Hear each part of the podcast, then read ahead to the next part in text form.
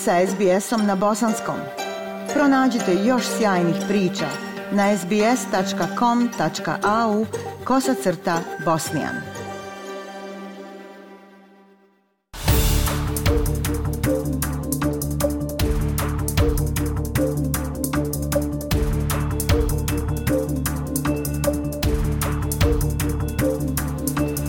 Slušate SBS program na bosanskom. Na redu je zdravstvena tema. Prema novom izvještaju došlo je do značajnog pada svijesti ljudi o simptomima srčanog udara. Izvještaj koji je anketirao preko stotinu hiljada ljudi koji žive u Australiji otkrio je da jedna od pet odraslih osoba ne može navesti ni jedan simptom srčanog udara, a nešto više od polovine navelo je bol u grudima kao simptom. Prilog Sema Dovera. Ova vijest iznenadila je autore studije koji su očekivali pad znanja o zdravlju srca, ali ne u toliko značajnoj mjeri. Vanredna profesorica Janet Braze sa Škole za javno zdravlje i preventivnu medicinu Univerziteta Monash u Melbourneu glavni je autor izvještaja. Ona kaže da je ključno razumjeti ove simptome.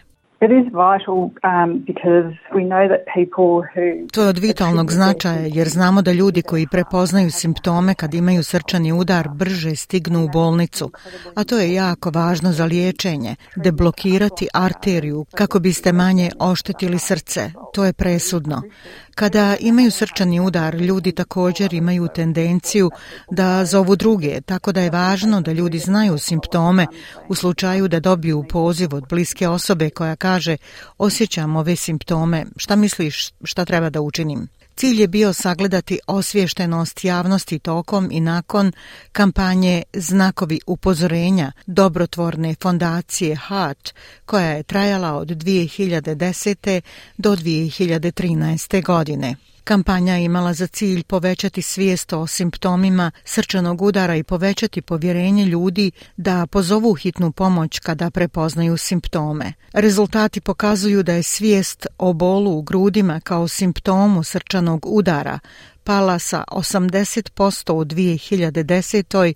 na 57% u 2020. godini, a postotak ispitanika koji nisu mogli navesti ni jedan simptom porastao je sa 4% na 20%. Profesorica Janet Bray kaže da je istraživanje također identifikovalo određene grupe kojima je posebno nedostajala zdravstvena pismenost vezana za srce. We know the groups that Poznajemo grupe koje imaju nisku svijest. To su ljudi koji imaju niži nivo obrazovanja, ljudi koji ne govore engleski.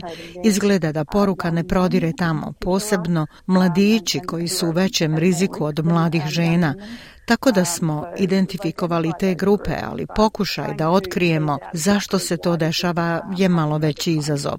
Svake godine 56.700 Australaca dobije srčani udar ili anginu pektoris.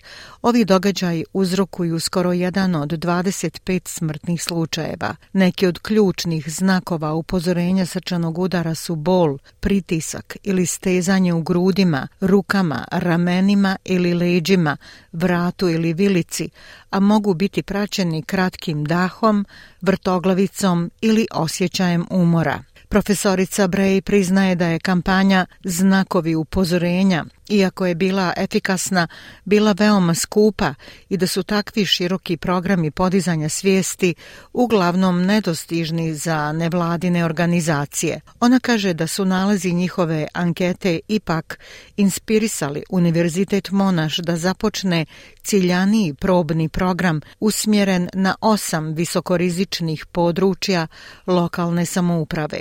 Uh, u ovom trenutku isprobavamo obrazovnu kampanju u zajednici. Idemo u regije koje imaju visoku stopu srčanih udara, nisku upotrebu vozila hitne pomoći i slabo znanje o kardiovaskularnom sistemu i pokušavamo pružiti obrazovanje grupama u zajednici, uključujući naše kulturno-jezički različite zajednice.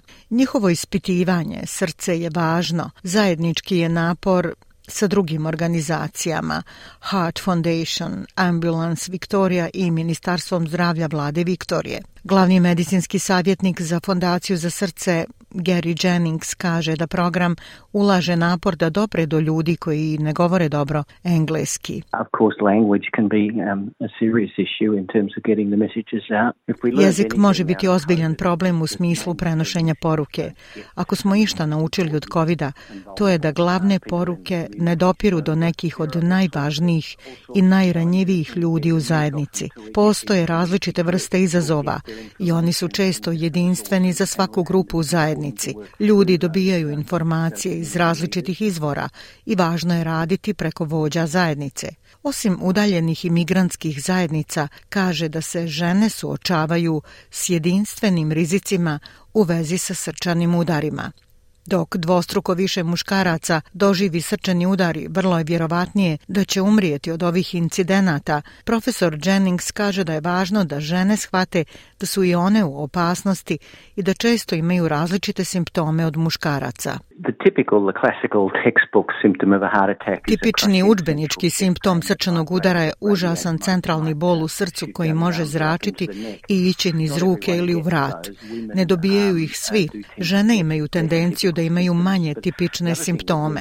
Druga stvar kod žena je da postoji tendencija da se ovome razmišlja kao o muškom stanju i kada osjete nelagodu u grudima ili druge simptome koji mogu označiti srčani udar, žene će to možda odbaciti. Ovo iskustvo važi i za Melisu Gardiner koja je doživjela srčani udar u oktobru 2021. Objasnila je neke od simptoma koje je osjetila tog jutra. I woke up at 1:30 in the morning, little Probudila um, sam se u 1.30 ujutru s malim bolom, ništa ozbiljno, i oh, laganom nelagodom um, u dlanu, kao da me pecne. Nakon sati i um, pozvala sam telefonsku liniju Health First, a gospođa na vezi je rekla pozvaću hitnu pomoć, morate u bolnicu. A ja sam rekla nije ništa ozbiljno, sigurna sam, ne želim gubiti nečije vrijeme. Ali stigla sam u bolnicu i otkrila da sam doživjela srčani udar. Iako je bol u grudima i dalje najčešći simptom srčanog udara, žene češće doživljavaju simptome kao što su mučnina, umor, nedostatak daha, hladan znoj i bol ili nelagoda u vilici, ramenima, rukama ili leđima. To su simptomi koji se često pogrešno smatraju stanjima kao što su gripa, prenaprezanje ili probavne smetnje.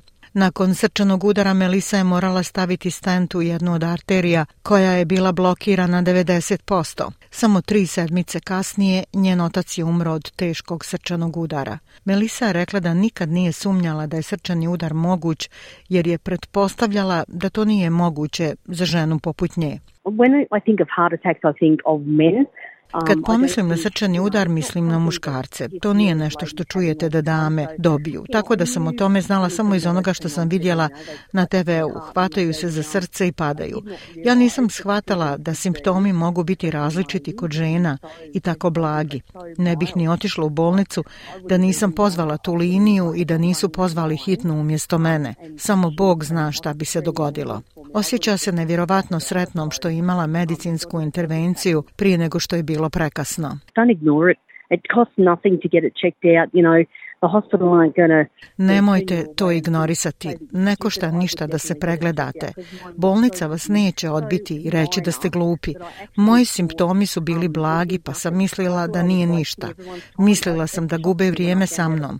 Šokiralo me kad sam saznala da je bio u pitanju srčani udar. Ako osjetite bilo koji od spomenutih simptoma, kao što je bol ili stezanje u grudima, rukama ili vratu, recite nekome kako se osjećate i ako se ne osjećate bolje nakon 10 minuta, pozovite trostruku nulu i zatražite hitnu pomoć.